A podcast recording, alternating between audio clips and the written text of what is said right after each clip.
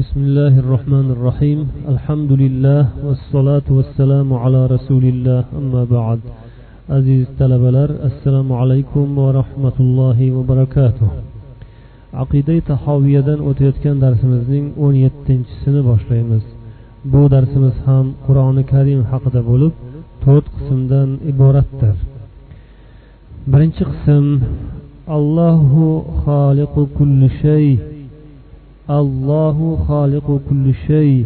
Alloh hamma narsaning yaratuvchisidir degan oyatning ma'nosi.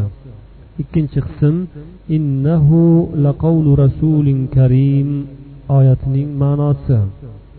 Uchinchi qism ahli sunna val jamoa kalomullohning g'ayru maxluq ekaniga muttafiqdirlar. To'rtinchi qism kalomulloh dillarda yod tutilmish tillarda tilovat qilinmish mushaf sahifalarida kitobat etilmishdir. Endi ushbu mavzularning alohida alohida tafsilotiga kirishamiz. Birinchi qism allohu xoliqu kulli shay oyatining mazmuni. Ushbu oyat qur'oni karim rad surasining o'n oltinchi oyati. Alloh taolo barcha narsaning yaratuvchisidir degan ma'noda. Ushbu oyatni hujjat qilib mo'taziliylar qur'oni karim ham bu shay ya'ni narsa. Shuning uchun ham qur'oni karim ham alloh taolo yaratgan maxluqotlarining biridir. Chunki qur'onda mana allohu xoliqu kulli shay dedi. Alloh taolo hamma narsani yaratuvchidir degan. Shuning uchun ham qur'oni karimni ham alloh taolo o'zi yaratgandir. U ham maxluqdir deb davo qiladilar bu oyat haqida va kullun kalimasi haqida ulamolar mulohazalarini bayon qiladilar. Kullun bu kalima umumga dalolat qiluvchi kalimalardan ya'ni hamma narsa degan ma'no barcha narsani o'z ichiga oluvchi ma'nolarga ega. Lekin shunday bo'lsada bu joyga qarab o'rniga qarab yaqin atrofidagi boshqa so'zlar va shu ishlatilayotgan o'rin vaziyat ma'no shularga qarab turib uning ma'nosi kullun kalimasining ma'nosi har xil bo'ladi deydilar. Va bunga misol qilib ahqof surasining yigirma beshinchi oyatini keltiradilar. Bu oyatda alloh taolo od qabilasini qattiq bir shamol yuborib halok qilganligi haqida hikoya qilgan. Unda od qavmini ustiga kelgan bo'ron ularning mol jonlarini hamma narsani halok qilib vayron qildi faqatgina ularning uylari hovlilarigina qoldi xolos mana shu tarzda keltirilgan ya'ni أعوذ بالله من الشيطان الرجيم تدمر كل شيء بأمر ربها mana shu oyatda ham kullu shay kalimasi ishlatilgan hamma narsani halok qiladigan shamolni ta'riflagan lekin bundan istisno qilib illa masakinuhum faqat ularning uy joylarigina qoldi xolos. Demak bu yerda hamma narsa halok bo'ldi deyilsada lekin ularning moli jonlari hamma narsa vayron bo'ldi deyilsada demak vayron qilish shamolni vayron qilishi ularning mollari va jonlariga taalluqli bo'ldi.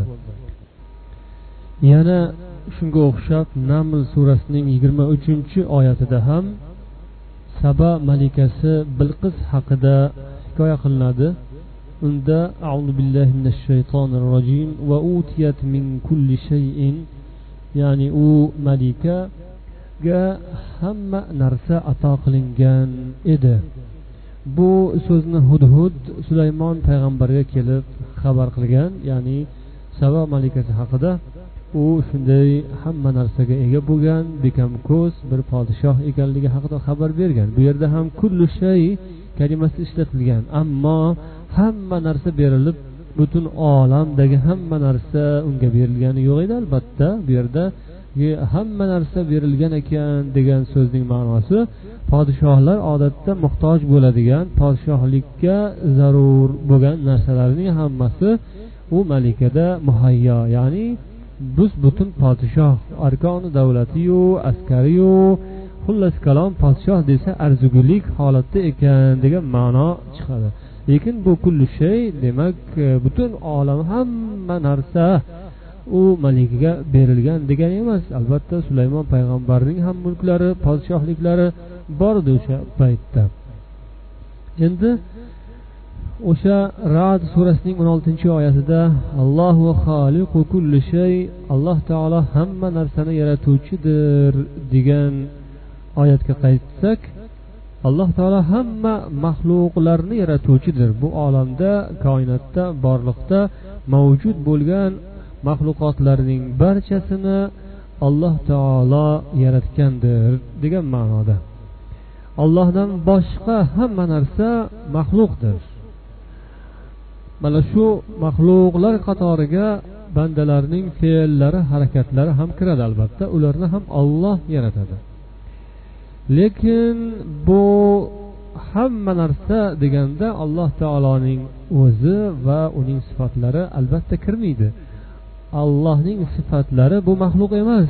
Allohning sifatlari bu azaldan allohning o'zi bilan birga mavjud bo'lgan kamolot mukammallik sifatlaridir. Uning zoti bilan birga mavjuddir. Alloh taoloning sifatlari hech qachon uning zotidan tashqarida tasavvur etilmaydi zotidan alohida bo'lmaydi. Bu ma'nolarni biz ilgariroqdagi darslarimizda deb o'tgan edik. Ya'ni alloh taolo xalqlarini maxluqotlarini yaratmasdan avval ham o'zining barcha sifatlari unda mavjud edi deb o'tgan edik. Bu kalom alloh taoloning sifati. So'zlash alloh taoloning sifatlaridan biri. Shunday qilib u maxluq emasdir. Alloh taoloning o'zi bilan birga mavjuddir. Yana mo'taziliylar qur'oni karimni maxluq degan so'zlarda davom etib qur'onning ba'zi bir oyatlarini suiiste'mol etadilar. Masalan zuhruf surasining uchinchi oyatida inna ja'alnahu qur'anan arabiyyan degan oyatni ular dalil qilib olmoqchi bo'ladilar. Ya'ni biz qur'onni arabcha qildik arabcha qur'on qildik deganda bu oyatni yaala kalimasini olib ular xalaqa ma'nosida uni talqin etadilar. Jaala fe'lini o'zi bir necha ma'nolari bor. Yaratmoq ma'nosi aylantirmoq qilmoq ma'nolari bor. Mo'taziliylar bu o'rinda jalani xalaqa yaratdi ma'nosida qo'llaydilar. Lekin goho yaratdi ma'nosida kelib goho boshqa ma'nolarda kelgan. Ammo bu bu o'rinda yaratmoq ma'nosida emas. Yaratish ma'noda kelishi uchun jaaladan keyin shu jaala so'ziga taalluqli bo'lgan bitta so'z kelishi kerak. Ya'ni bu o'rinda fe'l foil maful degan iboralarni arab tili grammatikasidan xabardor odamlar tushunadilar lekin ommaga tushunarli bo'lsin uchun biz sal soddaroq qilib ta'riflab o'tamiz. Jala fe'li bir mafullik bo'lsa ya'ni jala fe'liga taalluqli bitta so'z kelgan o'rinda bu xalaqa yaratdi degan ma'noni bildiradi. Lekin jalaga taalluqli ikkita so'z keladigan bo'lsa shu jaaladan keyin shunda jaala so'zining ma'nosi yaratdi degan so'zdan boshqacha bo'ladi. Yaratdi degan ma'noni bermaydi. Mana bu oyatda ham inna jaalnahu qur'anan arabiyyan. Jaalnahu fe'lidan keyin qur'anan arabiyyan deb ikkita ketma ket bir xil kalima ya'ni bir xil holatdagi kalima kelganligi jala fe'liga bog'lanib ikkita so'z kelganligi bu xalaqa ma'nosida emasligini bildiradi. Qur'oni karimda bunga misollar juda ham ko'p. Masalan anom surasining birinchi oyati nur alloh taolo zulmatni va nurni yaratdi. Bu yerdagi jala yaratdi ma'nosida. Yana ambiyo surasining uch o'ttizinchi o'ttiz birinchi oyatlarida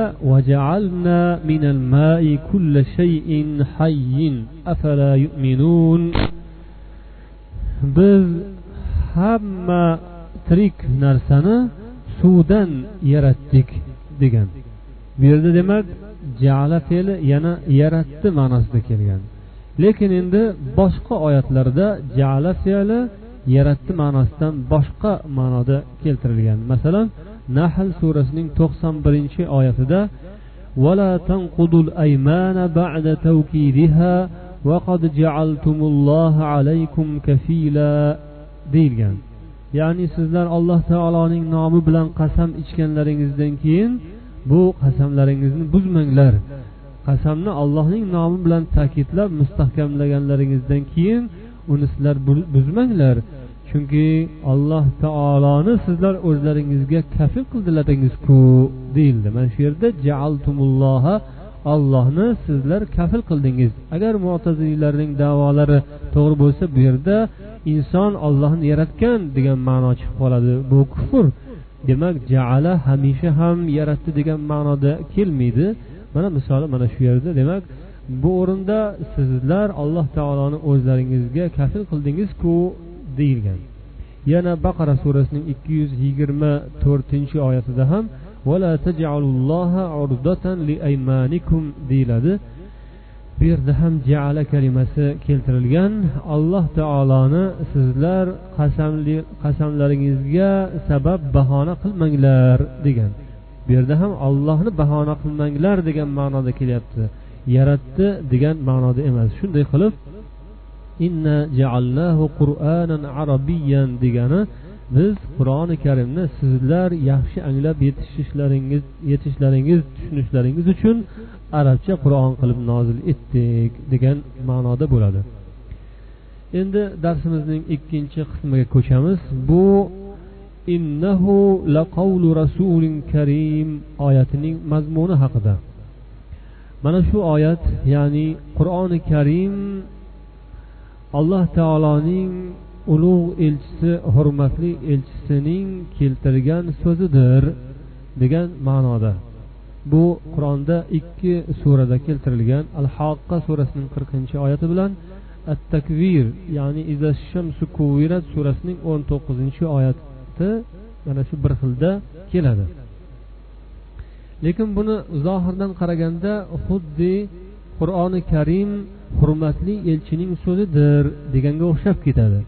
Bunda ba'zi bir toifalar mana allohning o'zi qur'oni karimda aytgan bu qur'on allohning so'zi demasdan elchining so'zi degan deb goho buni payg'ambarga nisbat berib goho jabroil alayhissalomga ham nisbat beradilar. Ya'ni buni alloh taolo payg'ambarning diliga solganu payg'ambar uni o'z iboralari bilan aytgan yoki jabroil uni paydo qilgan farishta buni paydo qilgan. Farishtaga alloh taolo uning nafsiga jo qilganku lekin buni iboralarini farishta tuzgan degan davoni qiladigan adashgan toifalar ham bo'lganlar.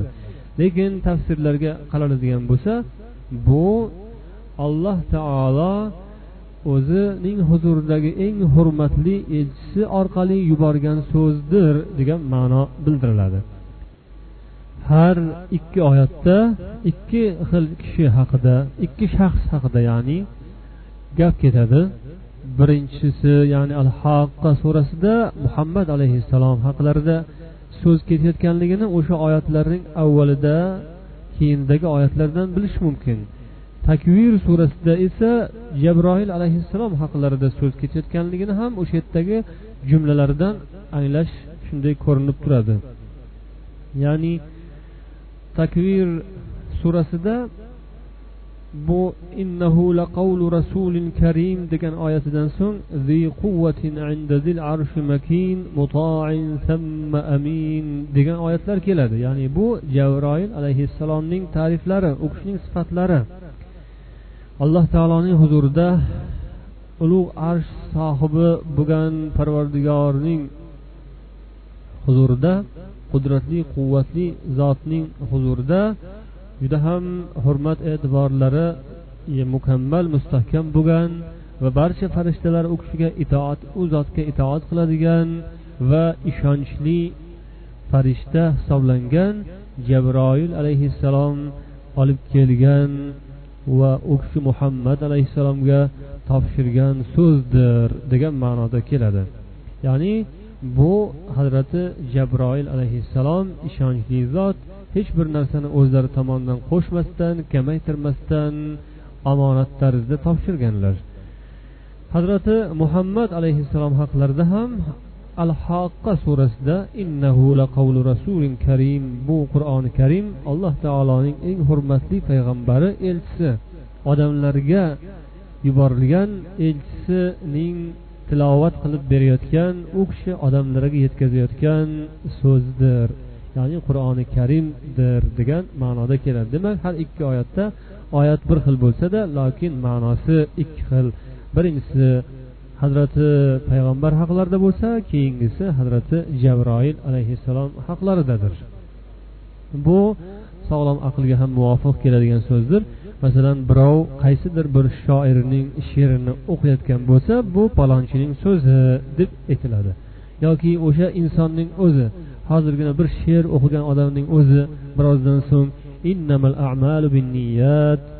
Niyat amallar hammasi niyatga qarab e'tiborga olinadi degan so'zni aytsa unga bu kimning so'zi deyilsa albatta bu hazrati payg'ambar sollallohu alayhi vasallamning so'zlari deyiladi. Shu odam shu so'zning keyinidan alhamdulillahi robbil alamin ar rohmanir rohim deganini eshitilsa bu kimning so'zi deyilsa bu ollohning so'zi deyiladi. Yoki hech bir bilinmagan eshitilmagan bir so'zni gapirayotgan bo'lsa bu kimning so'zi deb so'rasa bilmadim deb javob beriladi. Demak inson uning tilidan gapirilayotgan so'z hamisha uning o'zini so'zi bo'lavermaydi balkim boshqa bir insonning so'zini yoki boshqa bir shaxsning zotning so'zini u keltirishi mumkin. Xuddi shunga o'xshagan ma'nolarda deb tushunamiz yuqoridagi keltirilgan oyatlarni. Endi darsimizning uchinchi qismiga ko'chamiz. Bu ahli sunna val jamoa kalomullohning g'ayri maxluq ekaniga muttafiqdirlar ya'ni ahli sunna val jamoa mazhabidagi barcha musulmonlar to'rt mazhab sohiblari va shu mazhabda ibodat qiladigan barcha musulmonlar va boshqa salafu xalaf mo'min musulmon ulamolar ahli hadislar ularning hammalari qur'oni karim alloh taoloning kalomi g'ayri maxluq ekanliklari ekani haqida ular bir ittifoqdirlar. Lekin keyinchalik ba'zi bir mutaaxirin ulamolar kalomulloh bu bir yaxlit ma'nodir alloh taoloning zoti bilan birga qoyimdir. Yoki boshqa birlari alloh taolo harflar va ovozlar bilan keyinchalik so'ylagan. Bu qur'oni karim harflardan va ovozlardan iboratdir. Avvalda alloh taolo gapiruvchi emasdiyu keyinroq gapiruvchi bo'ldi shu ovozlar va harflar bilan. Degan masala ustida va yoki qur'oni karim haqida alloh taolo o'zi so'ylovchi qachon xohlasa qanday xohlasa xohlagancha so'ylovchidir degan uch xil masala xususida keyinroq ba'zi bir mutaaxirin ulamolari o'rtalarida ixtiloflar bo'ldi. Mana shu uch xil ixtilofni yana bir tezroq qaytarib takrorlab o'tadigan bo'lsak u shundan iboratkim demak mutaaxirinlar ixtilof qilishgan nuqta shunday bo'ldiki qur'oni karim bu yaxlit bir ma'nomi? Allohning zoti bilan birga qoyim bo'lgan mavjud bo'lgan yaxlit ma'no bitta ma'nomi? Yoki u harflaru ovozlardan harflaru ovozlar iste'molida alloh taolo so'ylagan avvalda so'ylagan emasdi so'ylovchi emasdi keyinchalik u mana shu ovozlaru harflar bilan so'ylovchi bo'ldi. Qur'oni karim bu harflar va ovozlardan iboratmi? Yoki alloh taolo azaldan xohlagan vaqtda qanday xohlasa shunday kayfiyat uning o'ziga ma'lum tarzda so'ylovchidir. Qur'oni karim allohning sifati. Shundaymi? Mana shu uch xil masala xususida demak tortishuvlar bo'ldi. Mo'taziliy mazhabiga mansub kishilar qur'oni karimni g'ayri maxluq degan tarzda ham qo'llaydilar ba'zan lekin ularning bu g'ayri maxluq degan iboralari g'ayri muxtalaq ya'ni to'qilgan emas degan ma'noda qo'llaydilar. Lekin bu bir chalg'itadigan gapki bu yerda e, to'g'ri gapga o'xshab ketadi lekin bu narsa barcha musulmonlar nazdida o'zi shundoq ham ma'lum narsa qur'oni karim to'qilgan narsa emasligi shunday ham aniqku. Aslida ahli qiblalar o'rtalarida musulmonlar toifalari o'rtalarida tortishuvga sabab bo'lgan narsa bu alloh taolo qur'oni karimni yaratgan u maxluq qur'on maxluqmi yoki alloh taoloning bu kalomi azaliy bir sifatimi degan ma'nodagina tortishuv bo'lgan xolos. Qur'oni karim to'qilganmi to'qilmagan degan ma'noda tortishuv bo'lgan emas. Kimki bu haqda mana shunday tarzda tortishsa u albatta kofirligi aniq bo'lib qoladi. Yana bu o'rinda mo'taziliylarning mashoyihlari va boshqa bid'atchi toifalar ular e'tirof etadilar kim ya'ni shu mo'taziliy mazhabiga yaqin bo'lgan ular bilan birga bo'lgan aynan mo'taziliy yoki mo'taziliy bo'lmasada ularni e'tiqodlariga yaqin narsalarni gapiradiganlar e'tirof etadilarki ular tavhid borasida allohning sifatlari borasida va qazoyi qadar borasida fikrlarini e'tiqodlarini kitobu sunnatdan emas va yana sahobayu tobeinlardan emas balkim aqllari ishtirokida hosil qilganlar. Aqllari unga shu narsalarni dalolat qilgan deydilar. Imomlardan salaflardan sahobayu tobeinlardan biz faqatgina shariatni ibodat tartiblarini qonun qoidalarinigina qabul qilamiz. Ammo e'tiqod masalalarini esa tavhidu sifatu qadar masalalarini esa bizga aqlimiz dalolat qiladi deb davo qilganlar mo'taziliylar hazrati muso alayhissalom alloh taolo bilan gaplashgani kelgan paytlarida olloh u kishi bilan o'zining sifati bo'lmish kalomi ila so'ylashdi. Shundan bilinadiki alloh taolo muso alayhissalom bilan xohlagan vaqtda o'zi xohlagan paytda xohlagan kayfiyatda gaplashdi. Lekin alloh o'zining sifatlarida azaliy va abadiy edi dedikku ammo bu degani doimiy suratda ey muso ey muso deb alloh taolo xitob qilib turgani degani emas. Balkim arof surasining bir yuz qirq uchinchi oyatida aytilganidek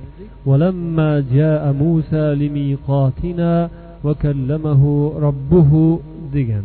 Ya'ni qachonki muso bizning uchrashuvimizga kelgan paytda va uning parvardigori u bilan so'ylashdi. Ya'ni shunda demak alloh taolo muso alayhissalom bilan so'ylashdi. Muso alayhissalom kelgan paytlarida. Mana bu narsa ba'zi bir ulamolar tomonlaridan qur'oni karim bu yaxlit bir ma'nodir degan so'zlarga javob bo'ladi.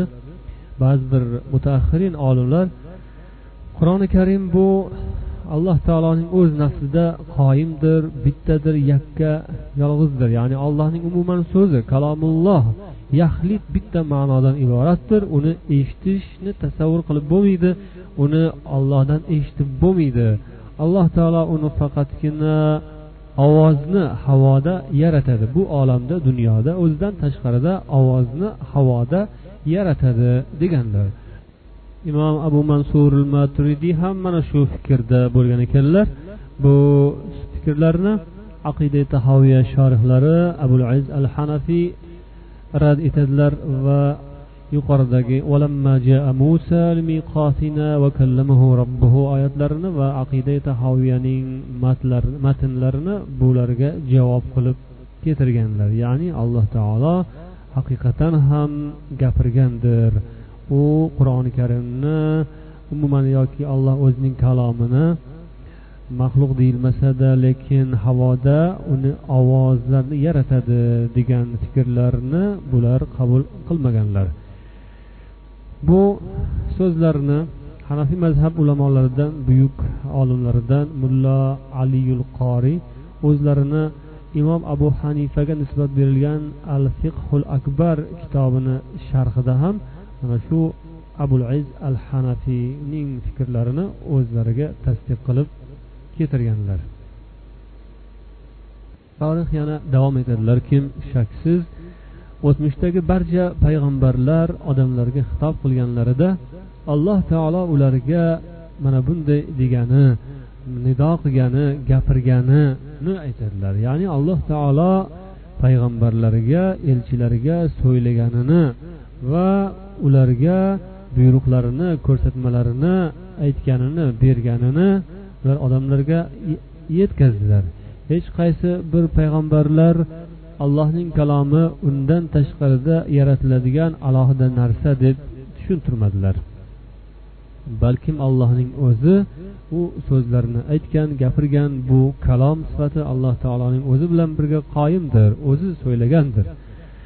Oysha roziyallohu anhu onamizdan ham hadisda imom buxoriy va boshqalar rivoyat qilgan muslim ham rivoyat qilgan abu davud ham rivoyat qilgan sahih hadisda keltiriladiki ifk voqeasi ya'ni hazrati oysha onamizga tuhmat qilingan voqeada u kishining haqlarida keyin alloh taolo oyat nozil qilgan edi. Shu oyatlarni alloh taolo oysha onamizni pokliklarini e'lon qilib nozil etgandan so'ng aytgan edilarki oysha onamiz ولشأني في نفسي كان أحقر من أن يتكلم الله في بوحي يتلى men o'zimcha o'ylardimki alloh taolo men haqimda to qiyomatga qadar tilovat qilinadigan oyat nozil etishiga aslo munosib emasman deb o'ylardim Men o'zimni juda ham bir haqir kimsa deb bilardim. Alloh taolo men haqimda oyat nozil qilishini hech ham o'ylamagan edim.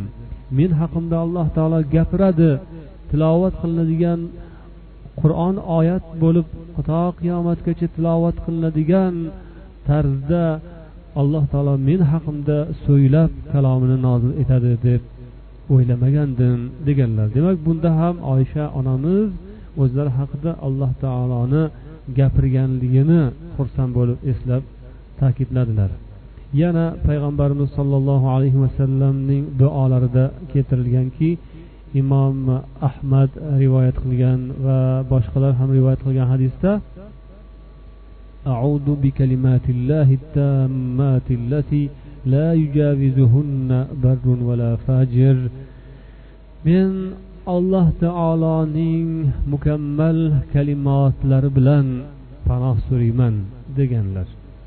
Ya'ni alloh taoloni so'zlarini allohning sifati tarzida payg'ambarimiz o'rtaga qo'ydilar. Allohning so'zlaridan panoh so'zlari bilan panoh tiladilar odatda ko'pchilikka ma'lum bo'lgani auzu billahi minash shaytonir rojim deymiz.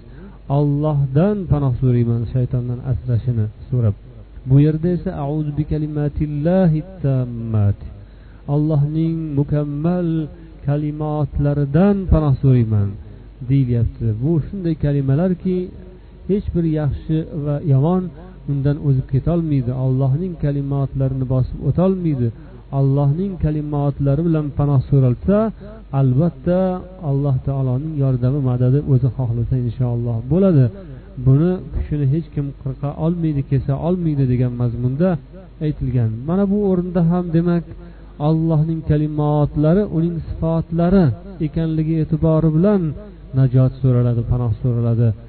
Agar allohning kalimotlari maxluq bo'ladigan bo'lganda unda u bilan istioza bu qilish mumkin emas edi ya'ni panoh so'rash mumkin emas edi maxluqni maxluqni o'rtaga qo'yib maxluqdan panoh so'rash joiz bo'lmasdi albatta demak bu maxluq emas balkim alloh taoloning sifati xuddi boshqa bir hadisda ham yana audu biridaka min sahatika وأعوذ بمعافاتك من عقوبتك degan hadisni imom muslim abu davud termiziylar molik va ibn mojahlar rivoyat qilishgan.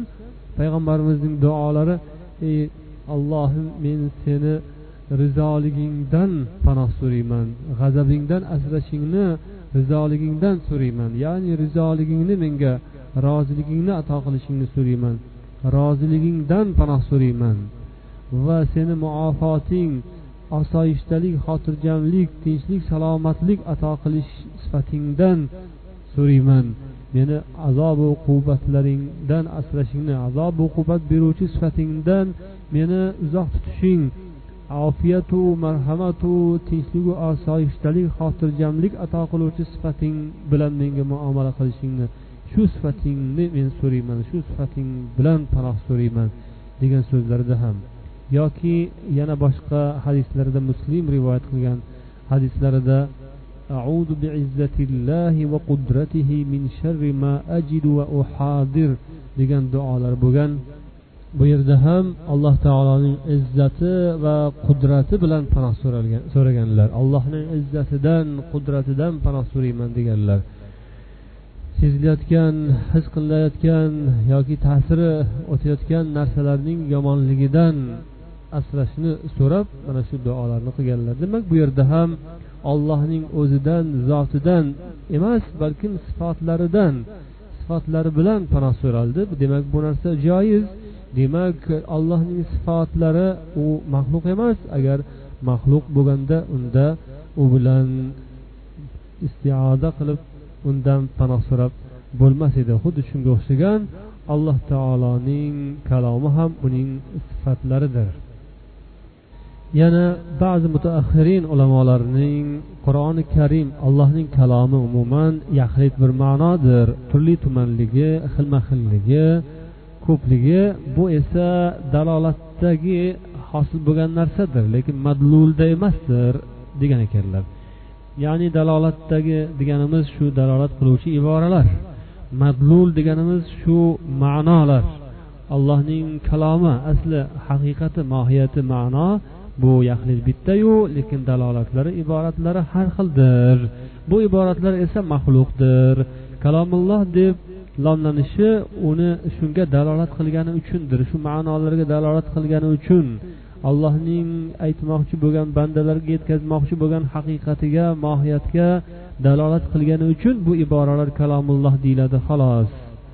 Agar mana shu iboralar arabcha bo'lsa qur'on ibriycha bo'lsa tavrot bo'ladi. Bu iboralarning hammasi haqiqiy kalom emasdir. Bular majozan kalomulloh deb nomlanadi deganlari ham bo'lgan ekanlar lekin bu so'zlarni noto'g'ri ekanligini shorih ta'kidlaydilar. Chunki oyatlar turli xil oyatlar bor har xil ma'nodagi oyatlar bor zino oyati bor yoki namoz oyati bor. Bularning albatta ma'nosi bir biriga boshqa boshqa ma'nolar bu yerda zikr etilayotganligi ma'lumdir.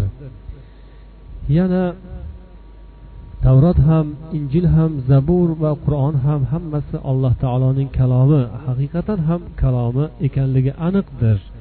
Lekin ularning hammasi yakxlit bitta ma'nodangina iborat deyilishi to'g'ri emasdir. Avvalda aytilmagan ma'nolarini avvalda nozil qilinmagan suralarni alloh taolo qur'onda nozil etdi masalan fotiha surasini hech kimga alloh taolo nozil etmagan bir surani menga nozil etdi deb ulug'ladilar. Bu alloh taoloning kalomi aslo tugamaydigan ulug' bir marhamat ekanligi. Allohning shunday bir sifatkim uning ta'rifidan tillar ojiz. U shunday bir haqiqatkim agar dengizlar hammasi butun dunyo suvlari okeanlari hammasi siyoh bo'lsa butun olam daraxtlari hammasi qalam bo'lsa alloh taoloning kalimotlarini agar yozishga kirishsalar unda suvlar tugab ketadiyu bu daraxtlar tugab qalamlar yo'q bo'lib ketadiyu ammo alloh taoloning kalomi aslo tugamaydi degan ma'nolarini biz qur'oni karimda masalan kahf surasining bir yuz to'qqizinchi oyatlaridan o'qishimiz mumkin. أعوذ بالله من الشيطان الرجيم. بسم الله الرحمن الرحيم. قل لو كان البحر مدادا لكلمات ربي لنفد البحر. لنفد البحر قبل أن تنفد كلمات ربي ولو جئنا ولو جئنا بمثله مددا. yoki luqmon surasining yigirma sakkizinchi oyati ham xuddi mana shu ma'nolarni zikr etadi أعوذ بالله من الشيطان الرجيم ولو أن ما في الأرض من شجرة أقلام والبحر يمده من بعده سبعة أبحر يمده من بعده سبعة أبحر ما نفدت كلمات الله. إن الله عزيز حكيم.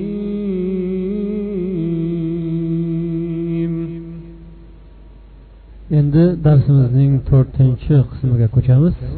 Bu qism mavzuning nomi kalomulloh dillarda yod tutilmish tillarda tilovat qilinmish mushaf sahifalarida kitobat etilmishdir. Imom abu hanifa rahmatullohi alayhiga nisbat berilgan al fiqhul akbar kitobida keltiriladiki والقرآن كلام الله في المصاحف مكتوب وفي القلوب محفوظ وعلى الألسن مقروء وعلى النبي صلى الله عليه وسلم منزل ولفظنا بالقرآن مخلوق وكتابتنا له مخلوقة وقراءتنا له مخلوقة والقرآن غير مخلوق. قرآن كريم الله تعالى كلامه u mushaflarda sahifalarda maktub kitobat etilgandir. Qalblarda esa yod tutilgandir va tillarda o'qilgandir. Ya'ni tillarda o'qiladigan qalblarda yod tutiladigan sahifalarga yoziladigandir va payg'ambar muhammad sollallohu alayhi vasallamga nozil etilgandir. Bizning qur'on tilovatidagi lafzimiz so'zimiz harakatlarimiz so'zimiz ovozimiz bizning lafzimiz bu maxluqdir. Uni yozuvimiz yozishimiz bizning kitobat qilishimiz ham maxluqdir. Uni biz o'qishimiz qiroat qilishimiz ham maxluqdir. Lekin qur'on g'ayru maxluqdir alloh taolo qur'oni karimda muso va u kishidan boshqalardan hikoya qilgan lafzlar bu. Ollohning kalomi deyiladi. Payg'ambarlarning tillaridan yoki fir'avnu iblisu boshqalarning tillaridan keltirilgan so'zlar alloh taoloning bergan xabari bu allohning kalomidir. Bu g'ayru maxluqdir lekin o'z zamonida o'z vaqtida muso alayhissalomning so'zlagan so'zlari boshqa maxluqlarning so'zlagan so'zlari u esa maxluqdir. Qur'on allohning kalomi g'ayr maxluqdir o'sha avvalda o'tgan kishilarni musoyu yoki fir'avn boshqa kishilarning so'zlarini alloh taolo bizga xabar tarzida keltirishi allohning kalomi deyiladi. Lekin ularni o'z zamonlarida o'zlari gapirgan so'zlar esa u maxluqdir. Alloh taoloning sifatlari maxluqlarning sifatlari emasdir. Uning maxluqlarining sifatlarini aksidir. Allohning hamma sifatlari kamolot sifatidir. U biladi lekin biz bilganimizdek bizning bilishimiz kayfiyatidek emas. U qudrati hamma narsaga yetadi lekin bizning qudratimiz kabi emas. Bizning qudratimiz bu nuqsonli qudratdir. Alloh taolo ko'radi lekin uning ko'rishi bizning ko'rishimizga o'xshagan emas.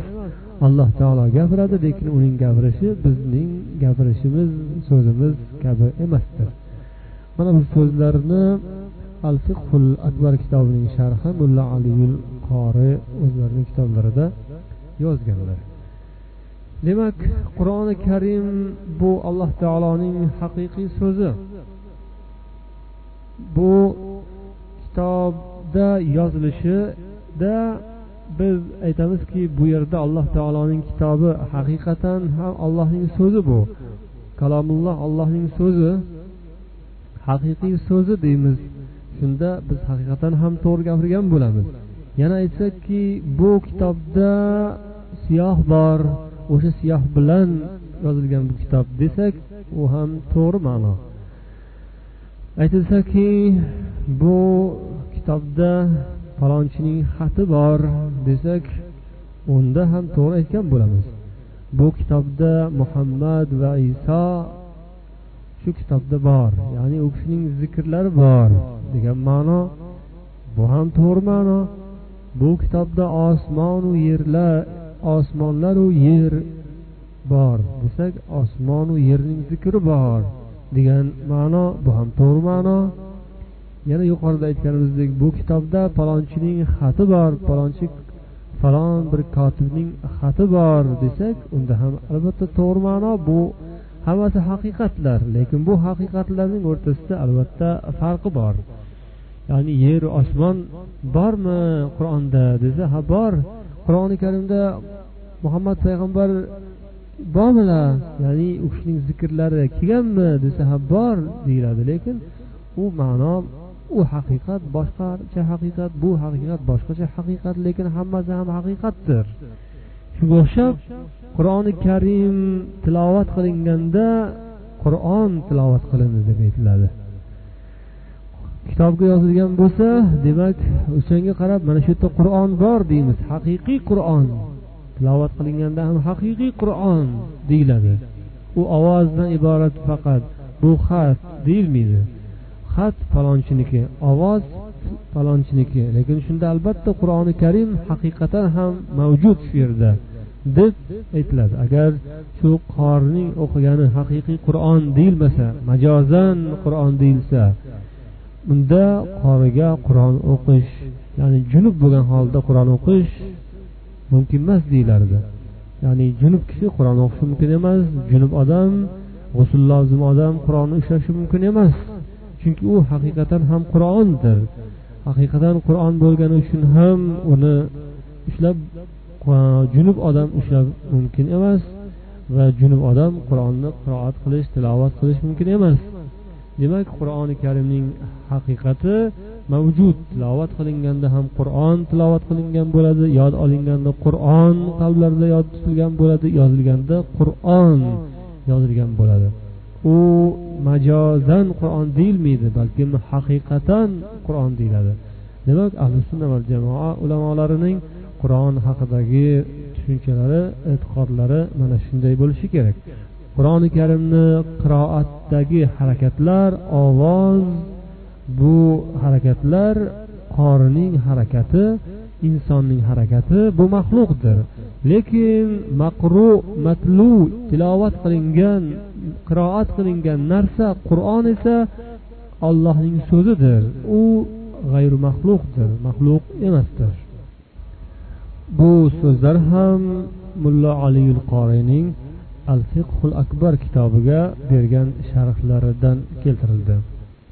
Mana shu bilan o'n yettinchi darsimiz tugadi subhanakallohumma va bihamdik ashhadu an la ilaha illa anta astag'firuka